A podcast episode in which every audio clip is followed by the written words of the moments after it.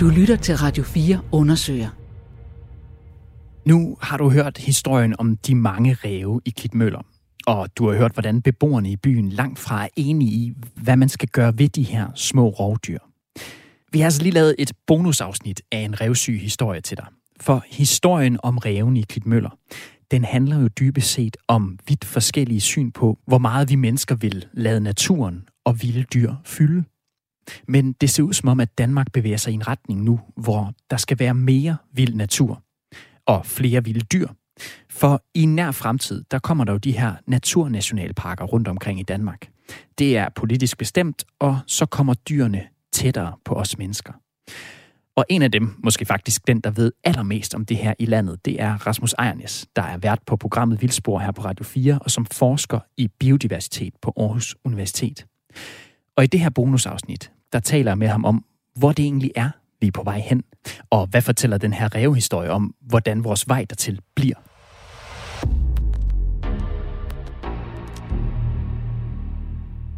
Rasmus, altså nu har vi jo, når det er blevet sendt, så vi har, vi har sendt øh, tre afsnit om en ræve uoverensstemmelse i Klitmøller. Øh, og på den ene side, der har vi nogle reguleringsjæger og nogle borgere, der synes, at rævene de fylder for meget, altså de er kommet for tæt på, og de er blevet for tamme og for irriterende. Og så på den anden side, der har vi nogle borgere, der sådan nyder synet af at se øh, vilde dyr tæt på, der hvor de bor, og som sådan synes, det egentlig er for galt at skyde de her ræve. Og de fodrer endda nogle af revne, når nu de kommer tæt på deres hus. Øh, hvad tænker du, når du hører om den her historie omkring de to natursyn, der møder hinanden her? Altså, jeg tror, det er vigtigt at have et, øh, et perspektiv for ligesom at, fordi jeg kan, det er en sjov historie, jeg kan sagtens forstå, at der er mennesker, der virkelig kan blive meget uenige om, om hvad fanden skal vi gøre med de ræve der. Men hvis vi nu skruer tiden 33.000 år tilbage. Er du længe? Ja, det er nemlig længe. Øh, så har vi det ældste kunst fra menneskers hånd, nemlig i øh, Chauvet-grotten i Sydfrankrig, syd for Alperne, hvor øh, vores forfædre malede Mm. man må forestille sig, at det har været det mest kraftfulde og fantastiske, der har været i deres daværende landskab på, øh, på, på væggene i de her huler. Og de malede, øh, altså det, det var ikke solnedgang, det var ikke pornografi, det var ikke øh, portrætter. Det de eneste, de malede, det var store vilde dyr. Så de malede øh, øh, øh, næsehorn, vilde heste, huleløver, øh, urokser, alle de der store vilde dyr, som de var omgivet af i det der landskab. Så det er bare for at sige, at der er en enorm fascination i os mennesker af de store vilde dyr. Så det er bare for at forstå, at den, den er urgammel, den der fascination. De er kraftfulde, de der dyr, og vi vil gerne på en eller anden måde have en relation til dem. Øh, det, der er sket siden de malede de der dyr, det er, at de er blevet udryddet. Jeg tror, at de fleste, der har været på ferie i Europa, kan skrive under på, at de har ikke mødt nogen næsehorn eller huleløver eller øh, store flokke med vilde heste. Så vi har stort set på alle verdens kontinenter tømt øh, jorden for store vilde dyr. Så i dag, der er 96 procent af biomassen af pattedyr på jorden, det er mennesker og vores husdyr og kæledyr. 4 procent, det er vilde dyr. Og her taler vi fra mus til elefanter og blåvaler. Så der er næsten ingen vilde dyr tilbage i verden. Vi har simpelthen fået... Det, det vi synes, vores forfædre synes var mest fantastisk, det har vi nærmest systematisk udryddet. Altså, nu snakker vi ræve. Ja. Vil du kategorisere den som stort dyr? Nej, det er et lille, et, et lille øh, rovdyr eller en lille altædende pattedyr. Ikke? Den, den spiser jo alt muligt. Den spiser jo også snegle og bær og alt muligt. Det er jo ikke sådan rent rovdyr. Men nu kommer du til at snakke store dyr i forlængelse af reven, så er ja. hvorfor gør du det? Er det fordi, det er en af de største, vi har tilbage? Ja, ja, det er det jo. Altså, ja. så, så jeg tænker, at vi skal forstå revne klitmøller på den baggrund, at der er en enorm længsel efter at, at knytte forbindelse igen med det vilde, repræsenteret ved de store pattedyr, der har adfærd, og som er spændende at se på og observere. Og så er der på den anden side også en forhistorie, hvor vi har stort set fjernet dem fra jordens overflade. Og det er der en grund til, at vi har gjort. Vi har, altså, dels smagte de godt. Øh, mm. vi kunne spise os mætte i dem, og så kunne vi erobre øh, hele den nordlige halvkugle, fordi der var et lager af kød. Øh, så det er den ene grund. Den anden grund er jo, at de her store dyr er pisseirriterende at leve sammen med. Altså, hvis man har prøvet at have et vildsvin inde i sin køkkenhave, ikke? og så lige tage altså en flok vildsvin, der lige har det hele køkkenhaven, et helt halvt års arbejdsbild, ikke? Øh, og slet, for slet ikke at tale om næsehorn og elefanter, hvad de kunne lave, ikke? Øh, og så har der engang også været farlige dyr.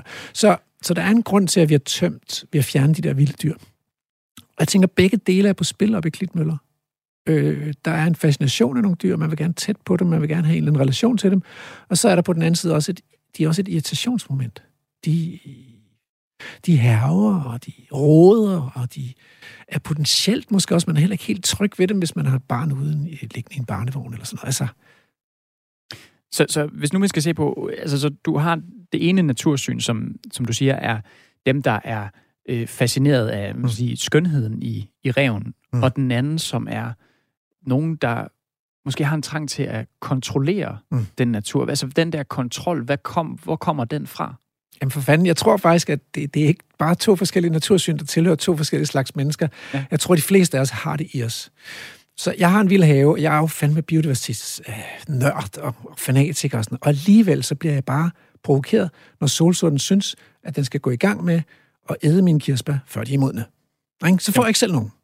Det er bare mega provokerende, altså selv, øh, om man er glad for naturen. Så jeg tror, vi har det i os begge dele.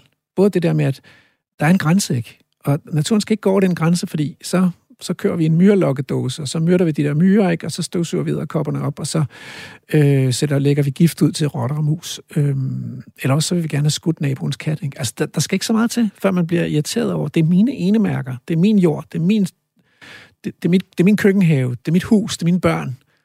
Jeg skal fandme ikke komme for tæt på, så skyder jeg Så jeg tror, vi har det i os begge dele, samtidig med den der med, ej, kom ud og se, der er et pindsvin i haven, ikke? Og så går alle hele huset møller ud og kigger på det her pindsvin, der, der futter rundt i haven. Øhm, så jeg tror, vi har begge dele os. I programmerne her, der følger vi jo øh, et par jæger, som er ude og regulere mm. de her ræve. Mm. Altså, øh, de tager det meget øh, seriøst, yes. at de udfører en vigtig opgave i det her lokalmiljø selve det her med at, at regulere revne, altså hvad tænker du om det? Ja, altså for det første så tænker jeg, at det er jo historien om mennesket. Ikke? Vi, blev, vi blev mennesker, øh, den er jo fortalt i første Mosebog, vi blev mennesker, da vi fik skældneevnen, ja. evnen til at skælne mellem godt og ondt. Og, og det er jo så den, vi bruger til, at vi, det der onde, det skal fandme reguleres og holdes nede, og altså sætte skik på og sådan noget. Og så skal vi dyrke det gode dyrke de gode afgrøder, som vi skal leve af. Om, og det, det, det frodige natur og sådan noget. Det er sådan det positive, ikke? Men så alt det negative, det skal vi af med. Og det har vi jo gjort og været meget succesfulde med. Vi har frodige skove, der producerer tømmer, vi har frodige marker, der producerer fødevarer, og vi har ikke for mange oversvømmelser og, og vilde brænde og sådan noget, der generer os mennesker, og heller ikke for mange store vilde dyr. Så det er vi skide gode til, det der reguleringshalløj. Og der ser jeg lidt jægernes indsats her. Det er sådan i forlængelse af den der med, vi mennesker, vi ved, hvad der er bedst for os og for naturen, og så fikser vi det, så ordner vi det, så det bliver sådan. Men det, det er sjovt, du siger det, fordi at, altså, det, som, som, som jægerne også siger, de gør her, det er, at altså, de synes, det er unaturligt, ja. at vi har revne så tæt på. Uh-huh. Så det, det, det, det handler om her, det er også, at du ved, altså øh, kontrollen, det er for at beherske kaos, ikke? Jo. Men her, der går de så ind og siger, vi vil tilbageføre reven til sit naturlige miljø, så den skal ikke være her, den skal mm. være ude i skoven. Ja. Nu, nu er skoven jo så heller ikke, altså skoven oppe i, omkring Klitmøller, det er jo sådan nogle plantede klitplantager, der, der er plantet med henblik på at producere tømmer. Så Naturstyrelsen kan sælge det på nogle, til nogle savværker, ikke? Øhm, så det er heller ikke natur. Så hvad fanden er det så for en natur, de der vilde dyr skal gå hen i? Øh, og, og hvordan kan vi overbevise dem om, at de så skal blive der, og ikke komme hen til os? Ikke? Så jeg vil vente om at så sige, øh, naturen lyver ikke, så der er lige præcis så mange ræve, som der er grundlag for. Og det er ikke unaturligt. Det, det er bare, som det er. Men derfor kan man godt sige, at det ønsker vi ikke. Og det tror jeg, det er jo det, der er grunden til, at man i dag taler om indhegnede naturnationalparker. Det er jo præcis det, der er grunden, ikke? Og hvis man, bare for at tage et blik ud i den store verden, hvis man rejser til Sydafrika for at tage på safari, så vil man også opleve, at det foregår inde bag hegn. Og det er der en grund til det, fordi sydafrikanere synes også, det er skide irriterende, hvis der er en elefant, der ødelægger deres. Og, og de, de får også lyst til at skyde de der dyr, når de render rundt i kulturlandskabet, enten for at æde dem, eller for at forhindre, at de ødelægger deres afgrøder. Og sådan vil det også være i Danmark. Så vi kommer ikke til at have naturlige tætheder af store landlevende pattedyr, uden at vi sætter et hegn. Uden for hegnet, der skal vi dele kulturlandskabet med dem, og der får vi et, et antal dyr, som vi synes er fedt. Og så det er os, der vælger det. Det er et politisk valg. Vi kan, vi kan tolerere så mange krondyr, så mange dårdyr, rådyr, bæver og øh, ræve. Og dem, hvis de, kom, hvis de bliver flere, så skyder vi dem. Men det vil sige, altså, nu, nu går vi jo netop og skyder dem op i, i det her område ja. ved Klitmøller, så vil du sige, altså der, der er egentlig tegn på, at der ville egentlig være, hvad skal man sige, plads til flere ræve? Altså, vil der være plads til, som til regel, Ja, som regel vil det jo være sådan, at, at hvis man går i gang med en regulering, så er det for at begrænse antallet. Og hvis man holder op med den her regulering, så vil antallet vokse.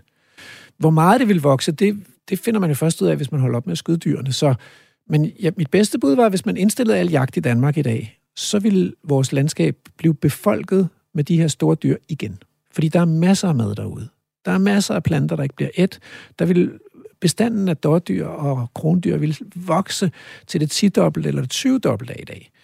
Øh, og det vil så betyde, at der vil blive meget mere mad til de her dyr, der så vil æde ådsler eller øh, rester af de her, fra de her store dyr.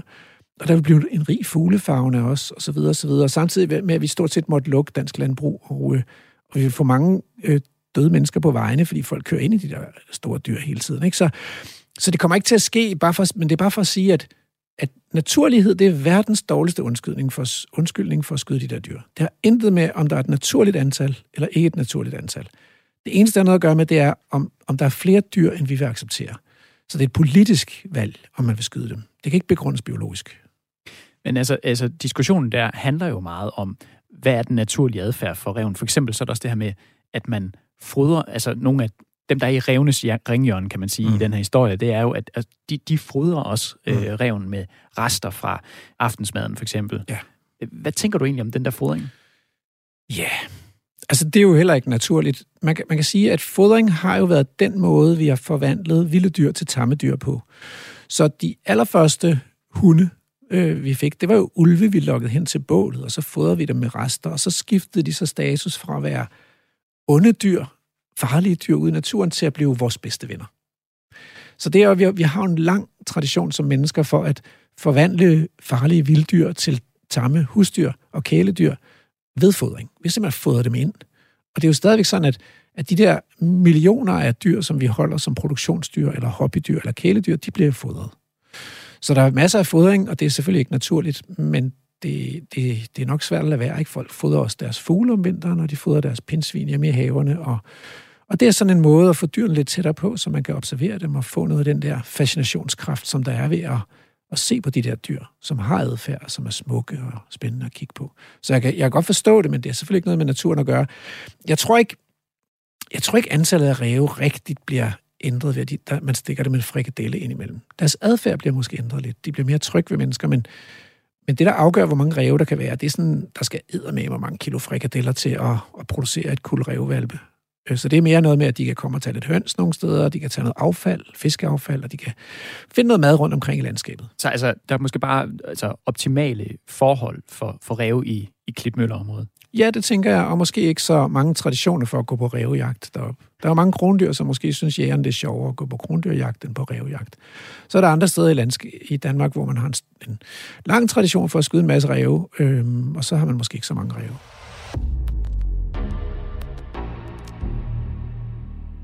Så folkene i Klitmøller skal ligesom acceptere at leve med den her rev de, i baghaven. De skal jo ikke noget. Jeg skal i hvert fald ikke fortælle dem, hvad de skal. Øh, jeg siger bare, at man skal være ærlig og kalde en spade for en spade. Og i det her tilfælde, så vil jeg sige, lad os nu indrømme, at det er os mennesker, der bestemmer, hvor mange ræve der skal være i Klitmøller, for Klitmøller det er en by, hvor der bor mennesker. Så, så det kommer naturen ikke til at bestemme, og lad os bare være helt ærlige omkring det. Dem, der bor der, kommer til at bestemme det. Og så kan jægerne gøre deres, og så kan man så, så kan dem, der gerne vil hygge med reven, de kan hygge med reven, og så, så er det ligesom sådan, det bliver ikke. Det er til, det er til demokratisk diskussion. Det, som jeg til gengæld vil sige, det er, hvis vi vil have noget vild natur, rigtig vild natur, hvor, hvor vi vil opleve, hvordan ser det ud, når naturen selv bestemmer det, når vi render rundt og kontrollerer og regulerer det, så skal vi afsætte noget plads til det. Og det er jo meget sjovt, at vi taler om Klitmøller, fordi lige ved siden af, der ligger jo et af Danmarks største naturområder. Ikke? Mm. Øh, og det er planlagt, at der skal være en naturnationalpark deroppe. Der, er, der, der vil jeg sige, at det er en udfordring, at regeringen har besluttet, at størstedelen af naturnationalparken skal være uden hegn. Og så vil jeg bare sige, at hvis det er uden hegn, så får man ikke en naturlig tæthed af store landlevende pattedyr, fordi de løber ud af området, og så bliver de skudt. Og der er ikke nogen af de jæger, der er ikke nogen af de landmænd, der bor oppe i Thy, der har lyst til at have de der store krondyr til at gå og lave markskader oppe i Thy, så derfor så kommer man til at skyde dem. Så hvis man vil have en naturlig tæthed af store dyr, så, så bliver man nødt til at sætte et hegn. Altså. Og det kan virke paradoxalt, at vi for at få vild natur, så skal vi hegne naturen inden, men det er altså vilkåret i dag. Vi, kan ikke, vi gider ikke at leve sammen med de her store dyr. Jamen, der har noget, jeg godt lige vil, en, en anekdote, ja. som jeg lige vil, vil prøve af på dig, ikke? Fordi øh, da jeg øh, var teenager, så var jeg, så, der var jeg i Vancouver øh, med min efterskole. Og så skulle vi bo ude hos nogle forskellige øh, familier i området. Så jeg kommer til at bo i den her øh, forstad til Vancouver. Sådan meget øh, mondæn forstad med store, flotte øh, pinjetræer og sådan noget, tror jeg det er. Øhm, og så får vi at vide, at øh, vi skal lige være opmærksomme på, at vi kan risikere at møde bjørne mm. på vejen. Mm. Altså inde i, i forstaden her. Og så får vi, en, øh, får vi at vide nogle retningslinjer. Altså, mm. hvis du møder en sortbjørn, så skal du larme, fordi så stikker den nok af. Mm. Men hvis der kommer en grizzlybjørn, så skal du stille og roligt komme af vejen. ja. og så ind i et hus. Ikke? Fedt. Øhm, det og gjorde da lige jeres tur lidt mere interessant. Ja, det gjorde det da. Og, og jeg, tænker, jeg har tænkt på det tit sådan det der med, hvordan det kan være, at vi nogle steder i verden kan finde ud af at leve side om side med så store og potentielt farlige dyr, men så har vi sådan et eksempel her i Danmark, hvor en rev i baghaven kan, kan skabe øh, diskussioner, mm. lad os sige det sådan, diskussioner i et lokalsamfund. Hvad er det, der gør, at vi har så svært ved at acceptere det i Danmark, at en rev i haven, hvis mm. når man i Kanada kan leve med altså bjørne? Ja, altså, det, og det er jo noget med, med, hvad man er vokset op med, og hvad man har vendt sig til. Så det handler også om, hvordan sker forandringer. Så vi har i Hjortshøj fået en, et svanepar, ja. der går rundt i lokalområdet, og de har fundet, at de godt lide at spise æbler. Altså det er der, det er der hvor du bor? Det er der, hvor jeg bor i mm. Hjortshøj. Mm. Så de plyndrer simpelthen haverne for æbler. Øh, først nedfaldsæbler, så begynder de også at plukke æbler ned af træerne. Og, så, og de er ikke bange for noget. Så de kyser kattene, og de lægger sig på stierne, og de skider overalt, og så kyser de også dem, der kommer forbi med deres væsen det giver også sådan en lille smule uro. Altså, folk er ikke helt trygge ved de der svaner. Øhm, så jeg vil bare sige, at det er noget med, hvad man, hvad man ligesom har vendt sig til, og, og hvis man er vokset op med sådan en selvforståelse af, at jeg bor i en stor natur, og den er potentielt farlig, så, så er problemerne bare lidt mindre. Altså. Øh, så, det, og, vi, så vi skal vende os til det. Vi i Danmark er ikke vant til, at naturen er farlig. Nej, vi har simpelthen vendt os til at leve i sådan et pussenusse-landskab, hvor natur det er sådan noget, der det, det dyrkede marker, ikke? Men okay, nu står vi og snakker om, at naturen kunne være farlig, men vi er jo trods alt, det er ræve, vi snakker om her. Det er ikke... Jamen, det, er ikke noget, det er ikke rationelt. Nej. Altså, det er det ikke. Fordi der er masser... Man, hvis, hvis man var bekymret for det, der var farligt, så ville man jo ikke sætte sig ud i sin bil og køre en tur på motorvejen eller sådan noget. Altså. Øh, eller, eller endnu værre, sætte sig på sin cykel og køre en tur i Aarhus. Så det er ikke, fordi vi er bange for noget, der er farligt, men det er, vi er bare bange for noget, noget ukendt. Og så det er kontroltab, der er fund, forbundet med, at der kan være farlige dyr, eller potentielt farlige dyr. Og så skal der ikke så, det, der skal ikke så meget til at vække den der angst eller den der bekymring eller utryghed. Eller sådan noget. Vi kan jo se det med ulvene. Der er jo masser af erfaring rundt omkring i Europa med at leve fredeligt sammen med de der ulve, også ret mange ulve, og alligevel så går øh, op, optræder der sådan en vild panik i Danmark over de der ulve. Øh, og, men det er, jo ikke kun, det er jo ikke kun dyrene, de der vilddyr tror jo ikke kun vores, os selv, de tror også vores husdyr. Så der er også nogle interesser i, at de må sgu ikke æde mine dyr. De må ikke æde mine jagtdyr, og de må ikke æde mine husdyr og reven er selvfølgelig også lidt en slamper, ikke? Den høvler jo høns i sig, hvis den kan slippe afsted med det. Der æder med mange hønsejere, der har fået taget høns af ræve. Det er selvfølgelig træls og irriterende. Men som du siger, altså den her situation i Klitmøller, der har vi, øh, hvad skal man sige, politisk eller fra samfundets side besluttet, hvor, meget, hvor mange ræve kan området tage. Og så er der så også nogen, der synes, øh, altså der, der, der er en, en diskussion, hvor nogen synes noget andet. Ikke? Så er det en uløselig knude, det her med, at vi tager hensyn til naturen, men samtidig vil kontrollere den. Ja, altså, det er jo også, vi, vi kommer også til at skulle kigge os om efter nogle demokratiske forer, der er legitime. Fordi hvem er det egentlig, der har truffet beslutning om, hvor mange ræve der skal være i Klitmøller? Er det jægeren? Er det Naturstyrelsen? Har, har, har lokalsamfundet egentlig mødtes for at tale om det? Eller, eller hvem har egentlig truffet den beslutning? Og det, det tror jeg, vi kommer til at møde endnu flere eksempler på i fremtiden. Ikke? Altså, hvem, hvem, hvem skal bestemme, hvor mange dyr der skal være? Er det dem, der skyder dyrene, der skal bestemme det? Eller er det landmændene, der skal bestemme det? Fordi at, øh, altså, i dag er det jo sådan, at det er landmænd, der har bestemt, at vi ikke har vildsvin i Danmark. Så det er en art, som er hjemmehørende. Det er en nøgleart i vores økosystemer. Det er en skidevigtig art, biologisk set. Og alligevel så har regeringen besluttet, at den skal bare udryddes. Den er rødlistet, den står som rødlistet på vores rødliste over truede arter, og alligevel har vi en regering, der har besluttet, at den skal udryddes, fordi af hensyn til landbruget. Så hvem bestemmer, hvor mange dyr vi må have? Det er et, et af fremtidens allerstørste spørgsmål.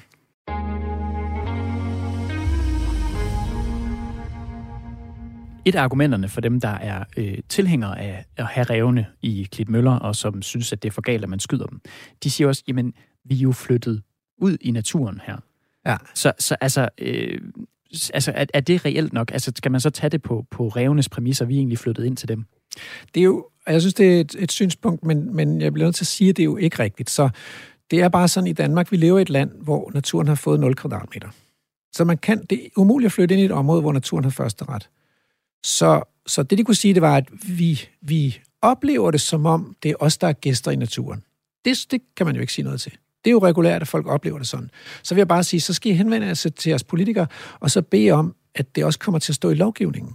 Fordi ellers så virker det ikke. Altså, så den lovgivning, vi mangler i Danmark, det er en lovgivning, der siger, at nogle steder i vores land, der har naturen første ret.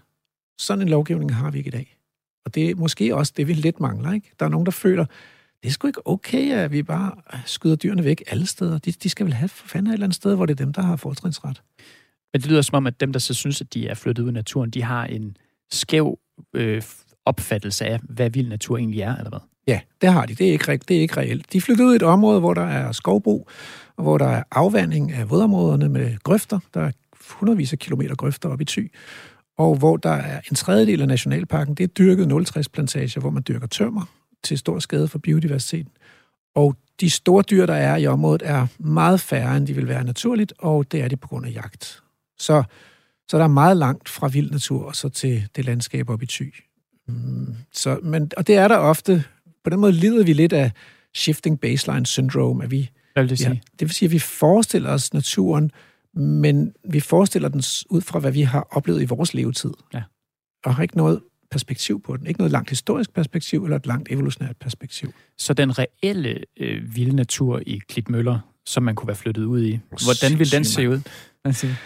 Jamen altså, det er jo det, det er endda svært for en biolog som mig at forestille sig det, ikke? men det vil være et, et meget mere rodet billede af øh, hede, dværgbuskhede, spredte buske og træer og krat og smålunde, og, så, og, og vådområder, ret store vådområder, vidtstrakte vådområder, og så vil der være et dyreliv af den anden verden. Altså, der vil simpelthen være så mange store vilde dyr. Hvad, hvad er det for nogle store vilde dyr, du ser for dig, der vil være? Jamen altså, hvis ikke der havde været mennesker, hvis ikke vi havde udryddet dem, så går det jo lige fra øh, skovelefant, eventuelt mammut, ja. til øh, skovnæsehorn, steppenæsehorn, og så de mindre, som vi kender, bison, urokse, vildhest, øh, og så hjortearterne. Både kæmpe hjort, som er uddød, og så krondyr og dårdyr og rådyr. Og så vil der være øh, ret mange, altså der vil være ulve selvfølgelig, øh, men der vil også være huleløver, øh, ret store rovdyr, fordi ja, hvis der er meget kød, så er der bare også rovdyr i landskabet. Ikke? I det, det, kan vi jo ikke få, altså, det kan vi jo ikke få tilbage det hele, men vi kan få noget af det tilbage. Vi ja. har heste, der kan leve vildt hele året rundt ude i naturen. Vi har kvæg, der kan gøre det. Vi har bison, der kan gøre det. Vi har elge, der kan gøre det. Vi har ulve, der kan gøre det. Så hvis man forestiller sig nu at fylde landskabet op med de dyr, så vil det stadigvæk bare blive et helt, helt andet landskab og en helt anden natur. Og så lukke grøfterne, brænde de der 060 plantager af, og så give pladsen til naturen. Men så vil det også være noget helt andet, man skal vende sig til en, en rev i, i baghaven. Så kan der lige pludselig stå en bison. Så kunne der stå en bison i stedet for. Det er der, de mennesker, der bor lige uden for Yellowstone Nationalpark i USA, de, de må jo indimellem se en bison gå rundt og græsse i rundkørslerne øh, i, i byens forstadskvarter. Men når, når, men når man så tænker på uh, den uh, diskussion, der det kan afføde lige nu ja. med ræve, hvordan ser du så egentlig mulighederne for, at det kan udvikle sig til, at vi kommer til at have, have bison, for eksempel, eller kommer... vilde heste. Altså, ja. er det overhovedet realistisk? Ja, det tror jeg, det er. Jeg tror, så jeg tror, der er simpelthen så stor en længsel. Og det er jo meget skægt, fordi hvis man kommer ud i en højskoleforening blandt 60-70-årige øh, tilhører og fortæller om det her, så virrer de lidt med hovedet og, og slår korsestegn for sig. Hvis man kommer ud i en højskole med 20-årige, så kan man bare sige, ups, så vågner de lige, og så er der bare julelys i øjnene på dem, ikke? Fordi de vil gerne have en mere spændende verden. Så jeg tror, der er en enorm stor appetit også blandt danskerne for en vildere verden og en mere spændende verden. Og nu kommer vi jo til at tage de første spæde skridt med de her naturnationalparker, hvor der bliver sat heste ud, og hvor der bliver sat bisoner ud nogle steder, elge nogle steder, og så kan vi begynde at vende os til, at når man går tur ud i de områder, så kan man møde sådan et stort dyr, og der vil ikke være noget hegn imellem den besøgende og dyret, Og det kræver, at man tager lidt forholdsregler, men det er også bare en kæmpe oplevelse. Så, så i fremtiden bliver det sådan, at der bliver store, flere store vilde dyr i landskabet. Og hvis vi er heldige, kommer der los. Hvis vi er heldige, så kommer der elge op syd fra os. Så, så, ja, nu, nu, nu siger du vi, Rasmus. Ja, altså, vi danskere. Hvad for et vi er det, du snakker om? Er det al... vi, vi naturinteresserede, eller er det vi danskere generelt? Ja, altså, øh, jeg mener, det er os alle sammen, der er heldige, når naturen bliver rigere. Også dem, der ikke vil have dem i baghaven, som får spist øh, deres sandaler, eller øh, Nej, deres så... høns, eller gravet øh, køkkenhaven op?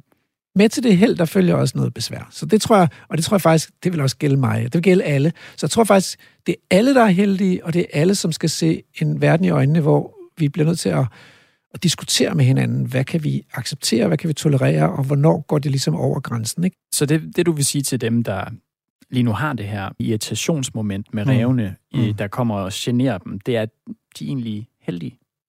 Jeg vil sige til dem, at øh, det er jo heldigt, at de kan se vilde dyr som ræve, men jeg forstår også godt deres irritation, og den er til forhandling. Altså, det er til forhandling, hvor mange ræve vi skal have, og deres syn på det er lige så værdifuldt som at, bør tælle lige så tungt som alle andres syn. Jeg vil ikke komme som biolog og så sige, hvad der er rigtigt og hvad der er forkert.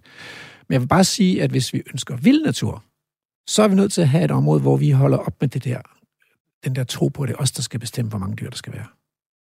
Det er ikke vild natur. Øh, men jeg tror, der kommer mange flere steder i Danmark, hvor dyrene kommer til at komme tættere på os. Øh, men... Også der, hvor vi bor. Og det vil udfordre os, øh, og det vil også give en masse store naturoplevelser. Men hvis man i forvejen synes, det er irriterende med reven, kan man så Men prøv at for, forestille sig, at det problem ved, eller den irritation, den skal man bare vende sig til, for der kommer mere af det? Der kommer mere af det, men der er jo ikke nogen, der siger, hvad man skal vende sig til. Det er, en, det er, jo, en, det er jo en demokratisk kamp og, mellem kontrol og vildhed.